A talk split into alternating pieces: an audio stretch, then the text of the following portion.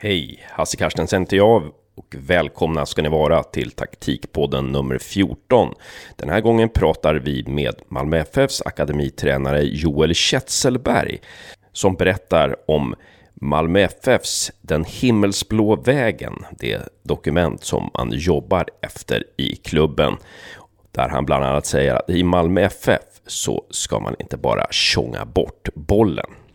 Sedan kommer vi in på framtiden kan man säga. Framtidens fotboll, att involvera målvakten i anfallsspelet.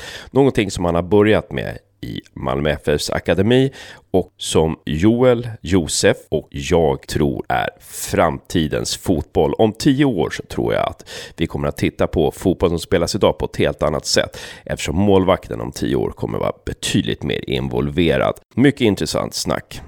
Som vanligt så kan ju den som retweetar vår tweet från idag, den 22 november, vinna en månads prenumeration på Game Insight Soccer som är Lars Lagerbäcks, Hasse Backes och John Walls sajt om fotboll där du får moduler för spelförståelse.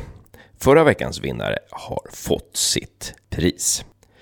Du glömmer väl inte att prenumerera på vår Youtube-kanal som heter Taktikpoddens kanal där John Wall varje söndag lär oss ett nytt taktiskt moment i fotbollens förunderliga värld. Men nu är det dags att sparka igång nummer 14. Trevlig lyssning!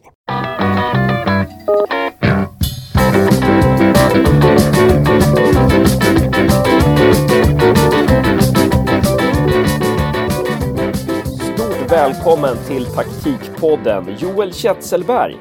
Jag tackar så mycket. Det är första gången för dig i Taktikpodden och det är en stor ära att få prata med en ungdomstränare i Malmö FF. Och du har ju fram till nu varit, vad jag förstår, huvudansvarig för U16 eller akademin 16-åringar i Malmö FF. Men nu tills nästa säsong har du en ny syssla. Har jag fattat det rätt då eller? Ja, först och främst får jag tacka att jag får vara med. Absolut, du har fattat rätt. Jag har varit tidigare, har de två tre senaste åren haft både P14-laget och U16-laget i, i Malmö FF. Men till nästa säsong så kommer jag vara huvudtränare i U17 tillsammans med eh, Max Westerberg där vi har ett delat ansvar. Kommer även vara rekryteringsansvarig och scoutingansvarig för åldrarna 9 till 13 år. Spännande. Och vi kommer mer in på sen hur ni jobbar i Malmö FF. Det är vi otroligt nyfikna på när det gäller scouting och när det gäller synen på ungdomsspelare och så vidare. Men först, innan vi kommer in på det, välkommen Josef! Tack så mycket! Joel sitter i Malmö och du sitter i? Växjö, som vanligt. I en Köpenhamnströja, vilket blev kritiserat av Joel strax innan vi började spela in. Men man får ge och ta. Just det. Och jag sitter i ett underställ eh, signerat Helsingborgs IF. Men det är ingenting som ni ser här. Det där var ett litet skämt. Men, eh, eh, Josef, då har du eh, en... Ska du inleda med en fråga kanske? Du är ju verksam i Malmö FF och eh, temat var väl lite idag att prata om hur Malmö FF ser på spelarutveckling. Ja, absolut. Först och främst tänker jag att jag presenterar lite hur vi vill arbeta för att utbilda unga spelare. Och I slutändan eh, är vårt stora mål att få spelare till vårt eh, eget A-lag. Men eh, även utbilda elitfotbollsspelare som även kan spela allsvenskan, superettan eller utomlands i andra länder. Så vi har något som kallas Himmelsblå vägen, likt många andra föreningar som har ett styrdokument utifrån hur vi vill utbilda spelare. Den sträcker sig från 9 till 16 år. I den som är övergripande som bestäms från styrelsen är att vi ska vara spelförande med en solid defensiv. Att vara spelförande och ha en solid defensiv är ju rätt breda uttryck. Mycket i det vi vill utbilda våra spelare är att vi, vi ska vara kontrollerande i spelet det innebär i vårt anfallsspel att vi ska spela på kontrollerat sätt, inte med chansspel eller att eh, spela uppbolla till exempel bara på, i djupled bakom motståndarnas backlinje på chans att hoppas på att vi ska göra det. Utan vi ska göra det på kontrollerat sätt. Spela till den spelaren som har störst yta och mest tid hela tiden. Och den, I den eh, solida defensiven ingår att vi ska ta kontroll på matchen med vårt försvarsspel. Vi ska inte vänta in motståndarna genom att ställa oss lågt och vänta på deras misstag. Utan vi vill, vi vill pressa dem högt och tidigt på ett sätt så att vi skapar de misstagen hos motståndarna. Eh, så vi stressar fram dem hos motståndarna. Så det, det är de breda penseldragen i vad vi vill med vårt anfallsspel och vårt försvarsspel. Vad är skillnaden mellan att skapa en elitfotbollsspelare än skapa en, eh, en spelare som ska hålla, kunna spela fotboll för resten av livet, om man säger så? Eh, vi hoppas ju såklart att alla spelare som är inne hos oss och så kommer fortsätta spela, eh, spela resten av livet, även om de inte når hela vägen till eh, eh MFFs A-lag eller elitfotboll. Så där, därför så, vi pratar mycket om att skapa MFF-karaktärer. Vi tror att för att du ska klara av att vara spelför, spelförande och vara modiga, att spelarna ska våga misslyckas hela tiden. Och, och, det blir en jäkla balansgång i det att våga misslyckas. För att du får inte heller misslyckas för ofta för att då tappar du självförtroende. Utan du vill ju ha en del att spelarna misslyckas ibland men att de då lär sig av sina misstag och sen blir, blir bättre fotbollsspelare av det. Och till det så tror vi att vi behöver en MFF-karaktär som är egentligen det som är absolut viktigast. För är man i vår miljö, och det kan man tycka är lite... När jag säger det här så kan det låta lite så, för att alla har det inte på det sättet. För att är man i vår miljö så är det bara duktiga fotbollsspelare. Rent fotbollsmässigt, taktiskt och tekniskt så ska alla våra spelare kunna nå elitfotboll. Men då är det ju något annat som är extremt viktigt. Och det tror vi är ett MFF-karaktär och MFF-beteenden. Och där har vi tillsammans med, för ett par år sedan, det är Andreas Georgsson i grunden som har tagit fram den himmelsblå vägen och eh, de här beteendena tillsammans med Sverker Fryklund som är eh, A-lagets eh, eh, idrottspsykolog? Ja, mentala coach kan man kalla Eller idrottspsykolog är väl hans rätta titel. Vad är specifikt för att vara en MFF-karaktär? Vi har tre, fyra stycken beteenden vi vill ha. Det är koncentration, förberedelse, lärande och ansträngning. Och eh, det, är de, det, är alltså, det tycker vi är de absolut viktigaste sakerna. För att om alla spelare är duktiga, i slutändan så kommer det vara den spelaren som kan koncentrera sig bäst, förbereda sig bäst eh, och anstränga sig mest som, som kommer ta det sista steget. För att om vi går till en träning och den ena spelaren går på 100% i koncentration, har förberett sig helt och anstränger sitt yttersta så kommer vi, till skillnad från en spelare som går på 75 procent så kommer den hela tiden ta steg på den andra spelaren. Och de här sakerna är vi väldigt tydliga med till spelarna, utan här ställer vi höga krav. Här, det här är det, den, de sakerna som vi kan verkligen vara hårda mot spelarna. Att det här, du ska komma förberedd till träningen, du ska vara koncentrerad när du är där, du ska anstränga dig.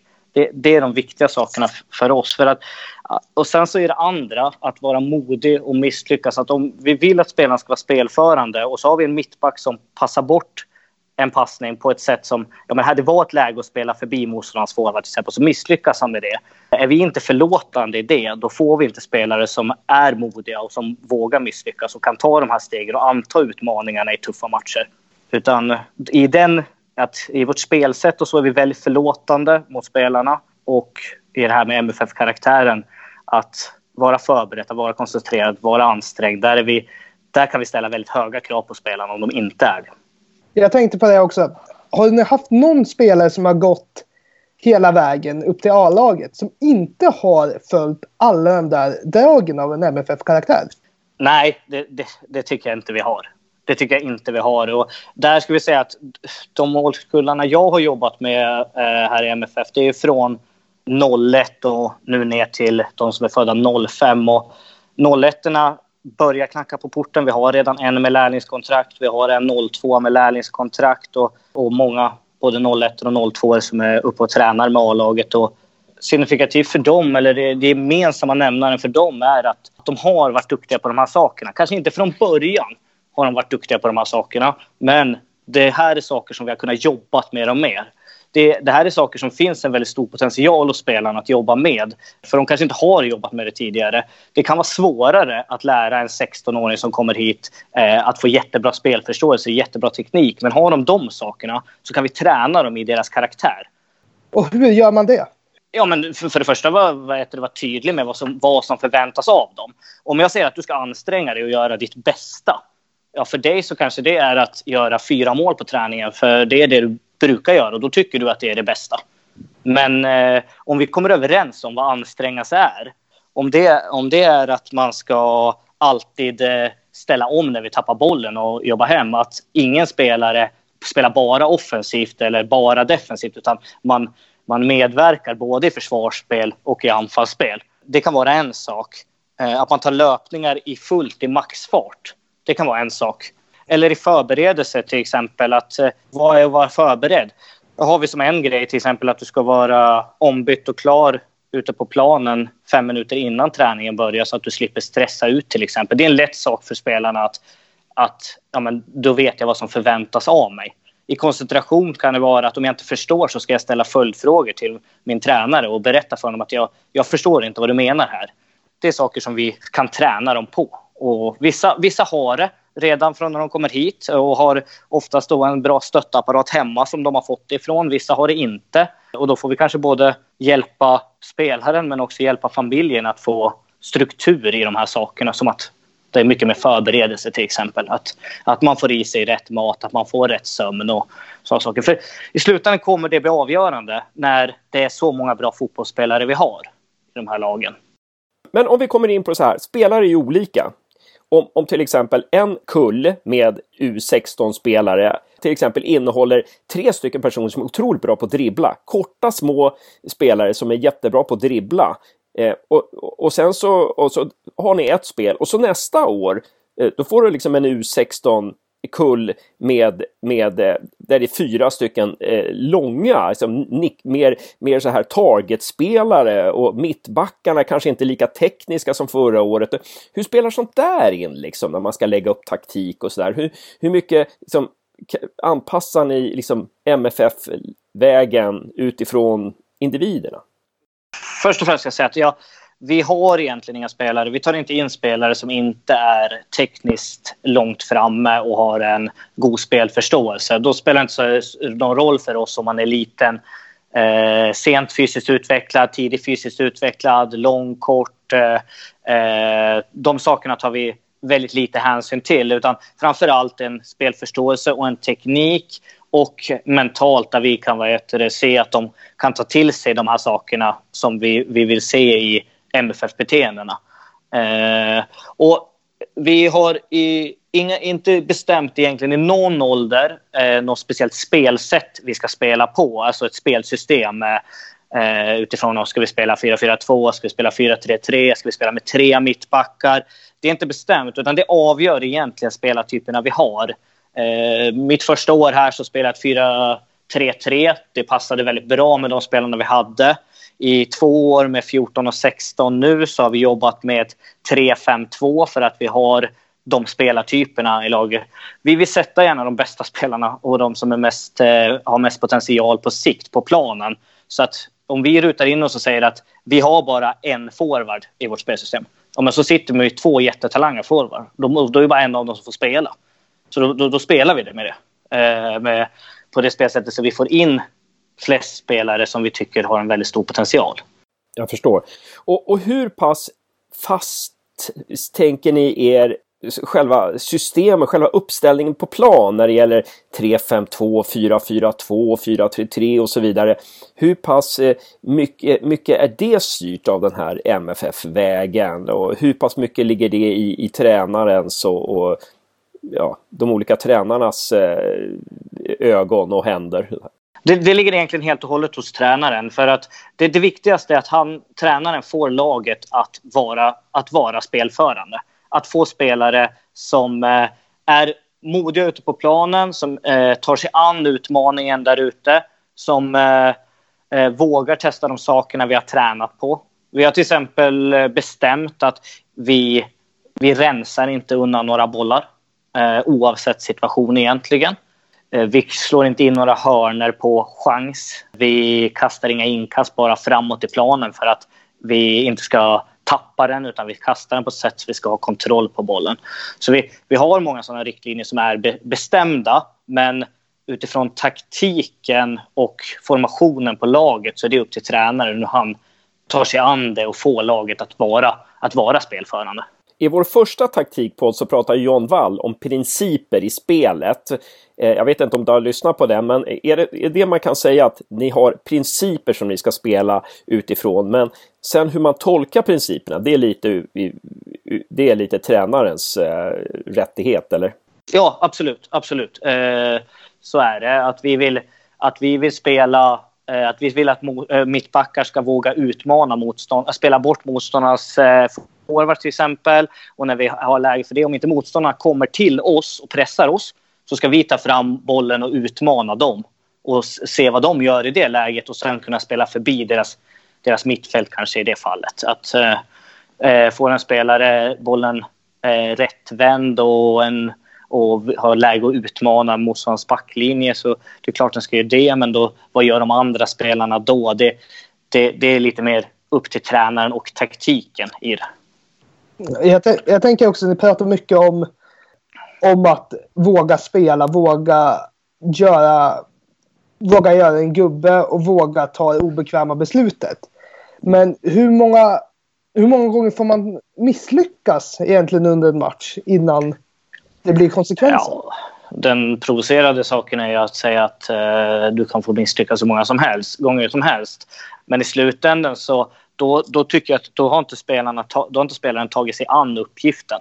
Utan eh, du måste hela tiden testa igen. Men du måste också, en sak i de här MFF-beteendena är ju att jag måste analysera, ja men vad var det som gick fel förra gången?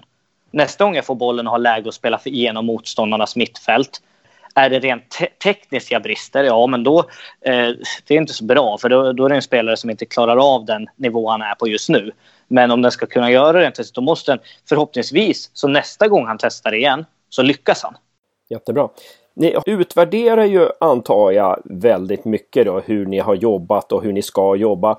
Är det någon sån här, har utvärderingarna genom åren här, när du har varit med under de här åren, eh, är det någonting som ni har tyckt att ni har gjort lite mindre bra som ni har tänkt att det här måste vi förändra för att liksom få rätt sida på det?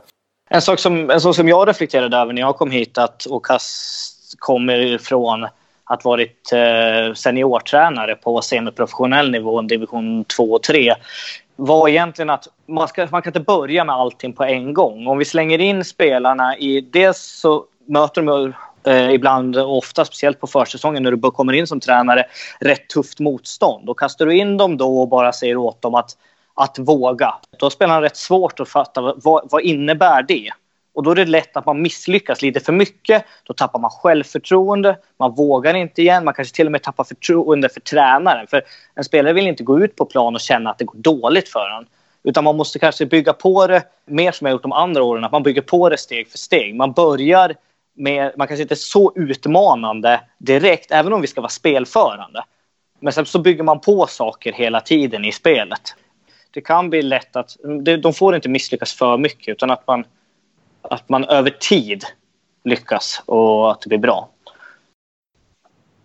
Du har pratat väldigt mycket nu om hur din speluppbyggnad har varit och vad ni vill genomföra.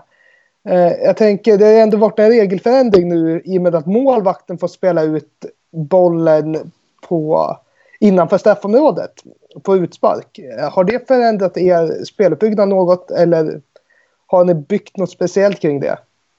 Uh, ja, men det, det, ska jag säga. Sen ska jag säga att den träder inte i kraft till för oss förrän efter uh, årsskiftet. Men det kommer gynna oss väldigt mycket. För det, det har ju varit ett problem för oss att motståndarna går upp och så låser de våra mittbackar så vi inte kan sätta igång bollen eh, kort. Och det har gjort att det har varit en väldigt stor utmaning för oss att eh, hitta lösningar på det. Att göra det på ett kontrollerat sätt när de markerar alla våra spelare. Eh, och vi har hittat olika modeller för det, men det kommer vara betydligt lättare för oss nu där vi kan sätta igång bollen i straffområdet utan att de kan markera oss. Det kommer passa oss väldigt bra.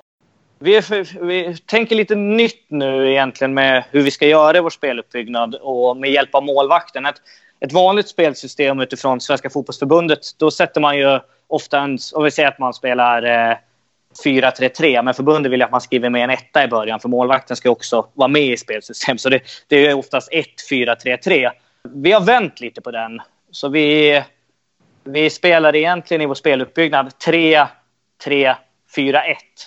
Så vi har vänt på den från 1 4-3-3 till 3-3-4-1 istället. Och mm, det, det kommer vara så, pressa motståndarnas högt, då är det klart att då står vi med vår målvakt i eget straffområde och vi har våra mittbackar där och spelar igång den. Då hamnar de oftast de tre på linje och där brukar vi vilja att motståndaren ska pressa vår, vår målvakt till exempel. Eh, vi jobbar mycket med att okej, okay, vänster forward pressar vår målvakt. Ja, då, kanske, då vågar vi spela in till en markerad central mittfältare som kanske också är i vårt eget straffområde eller precis utanför. Sen spelar vi ut till den mittbacken kanske där pressen kommer ifrån. Utan vi, vi är inne i en fas nu där vi pratar mycket om att spela på en, en markerad spelare som sen spelar ut till en tredje spelare där motståndarna har släppt en yta för att de pressar. För de, oftast så, så, där pressen kommer ifrån så lämnar ju motståndarna oftast en yta eftersom de vill pressa åt ett visst håll. Eh, de vill ju styra oss åt andra hållet. Då vågar vi spela in till en central markerad mittfältare som sen spelar ut där pressen kommer ifrån. Eh, så vi vill ofta att de pressar vår målvakt. Och det är ju lätt att göra i eget straffområde för du har inget val. För motståndarna kommer ju komma där. Ska försöka vara lite mer provocerande i det i år. Att, att oavsett vad motståndarna lägger sitt lag så ska vi, ska vi låta dem våga pressa vår målvakt. Och med det sagt, vill de börja, börja sin press på mitten av vår planhalva, då ska vi stå på mitten av vår planhalva med vår målvakt. Eh, och då, får, då ska han gå fram med bollen tills dess att de börjar pressa honom. Och då gör vi samma sak där. Att vi försöker spela oss ur där pressen kommer ifrån, men att vi behåller en trea där bak, där målvakten är en av de tre backspelarna i det fallet. Eh, i, I speluppbyggnaden. Varför vi gör det, det är för att det är för att vi vill ha en extra spelare till. Då, då blir vi helt plötsligt 11 spelare som spelar speluppbyggnad istället för 10 om man låter målvakten stå kvar i egna målet. Utan kan vi lösa det speluppbyggnaden med vår defensiva mittfältare och mittbackar och målvakt. De fyra löser speluppbyggnaden. Eh, när en av dem är lös, spelat bort motståndarnas forward, då har vi ytterbackar som är utanför motståndarnas mittfält, så vi kan spela utanför. Om de gör det jävligt tajt centralt. Går de sen isär så kan vi spela igenom och då har vi fyra spelare i spelyta två som kan få bollen. Våra ytterforwards, våra två tior och så, vi har ju även vår forward där, men vi vill att han är ett djupledshot och sträcker motståndarnas backlinje så spelyta två blir, blir större där. Nu i försäsongen här i ligacupen så kanske vi har matcher där vi kommer vara väldigt, väldigt spelförande. Motståndarna kommer stå lågt. Då vågar vi göra det. Vi kommer möta FC Köpenhamn om eh, två veckor. Då kommer vi inte göra det för att då vi tycker inte vi, in, vi har inte gått så långt i träning så att vi kommer göra det i den matchen för att då kommer vi troligtvis misslyckas för många gånger. Så spelarna kommer få dåligt självförtroende från den grejen och de kommer då inte våga göra det lika mycket sen i nästa match. Så där är det jag pratade om innan, att, att man måste bygga på hela tiden i det. Sen så hoppas vi att vi har varit så duktiga på det och vi hoppas på att vi ska stå i slutändan i oktober kanske i en SM-semifinal, en SM-final och då ska vi ha kommit så långt i processen så att vi vågar göra det. Så det är lite det jag var inne på innan med att, att våga att, att bygga på men ändå så ska vi vara spelförande och modiga i vårt spel. Men vi tar ett steg i taget. Intressant. Alltså använda mo motståndarna, de luckor som motståndarna kommer att lämna när de pressar er högt. De luckorna ska ni an, liksom, söka upp då och försöka hitta då. Mm. Med hjälp av målvakten. Mm. Väldigt intressant. Och hur har ni hittat det här? Är det liksom, var, var fick ni inspiration när det gällde det här? Just den här eh, att använda målvakten i speluppbyggnaden? Jag vet inte. Alltså, som... Det är kanske är känsliga grejer där. Nej, nej, nej, absolut inte. Absolut. Jag, jag, jag tror om det. Mest jag själv ska säga det. För jag, jag vet inte hur många, andra, eh, hur många andra gör. Men jag själv, jag tar inte så jättemycket inspiration från att titta på matcher på tv och, och sådana saker och följa tränare. Vissa saker kanske man kan ta någon övning där och för att nå ett syfte och sånt där. Men det är mycket från de, de resorna vi gör med våra egna lag. Jag tycker det är det absolut bästa sättet, både för spelarna men speciellt för en själv. Att, att dels se vad som krävs för att spela på yppersta elitnivå men också vad de gör för saker.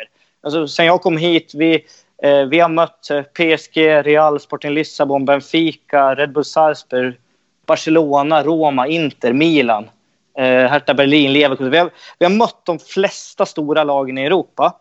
Och Det är där vi tar inspiration. Hur ska vi, för det är de matcherna vi testas.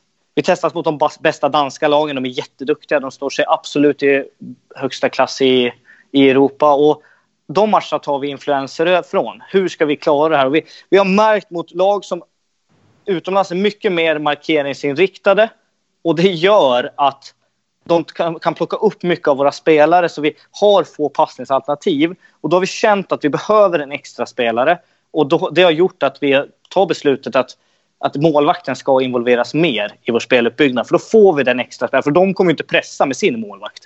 Så därför så blir vi den extra spelaren mot motståndarna som vi känner att vi behöver mot de, de absolut bästa motstånden. Och vi hoppas på att vi ska komma så långt i den utvecklingen att vi ska kunna använda det på ett bra sätt även när vi åker ut och möter dem de bästa andra eh, ungdomslagen i Europa. Jag, jag, tänker bara så här att det låter ju klockrent det här med målvakten. Det låter ju som att det här om tio år, då kommer vi titta på liksom matcherna som spelas nu, eh, har spelats fram till nu och undrat vad tusan, målvakten bara står där. Eh, är, det, är det en utveckling som du också tror?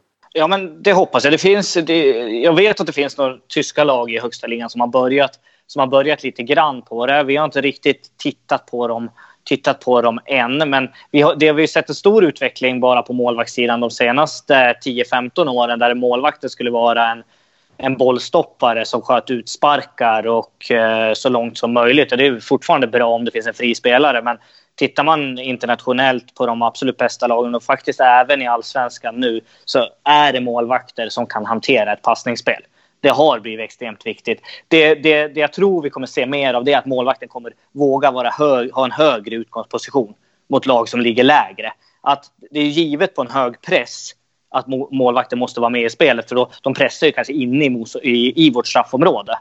Men det är inte givet om motståndaren ställer sig lågt att målvakten följer med upp och är en, en med i speluppbyggnaden i den fasen. Du, du, du, tror även den utvecklingen kommer komma mer? Ja, jag tror det jag, jag, tror det och jag hoppas det. För att det, det, det gör ju att dels att fotbollen utvecklas. Jag, jag tror att den blir... Jag, jag, tror det kommer behövas också. Det kommer behöva den, eh, den spelaren. För det vi ser tycker jag mycket nu det är att lag är jättebra på att pressa högt tidigt, direkt när de tappar bollen. Men gör, gör de inte det så eh, faller de ner och kommer väldigt lågt med sitt lag. Och då, då är det jättesvårt att och slå ut ett lag som ligger väldigt lågt. Och då tror jag, då tror jag du behöver den extra spelaren som målvakten är. Hur skulle en optimal Liber-målvakt se ut för dig? En jättesvår fråga. Eh, men det enkla svaret det är att den, den ska vara bra på de målvaktstekniska sakerna. Eh, även duktig i sitt passningsspel. Men det viktigaste är ju att den, här, att den är väldigt modig och känner sig bekväm med att stå där framme. För det är, det är inte så lätt att säga till vår målvakt att han ska göra det. För att han tycker att om nu står jag helt plötsligt 40-50 meter från målet. Vad händer om vi tappar bollen? Så det krävs ju de här, alltså det krävs att den, att den har ett mod i det. Att våga vara där. Vi hade en situation nu i matchen senast där, där vi tappar bollen. Eh, vi tappar bollen lite högre upp i plan, men vår målvakt har, har en utgångsposition nästan på mittlinjen. Och de vinner bollen och spelar upp bollen mot deras felvända forward. De flesta målvakter i det fallet, vad ha, tror ni han hade gjort? Eh, faller tillbaka mot målet. Ja, men vår målvakt valde att kliva förbi framför forwarden och ta bollen och pass, fortsätta ha ett bollinnehav. Jäklar.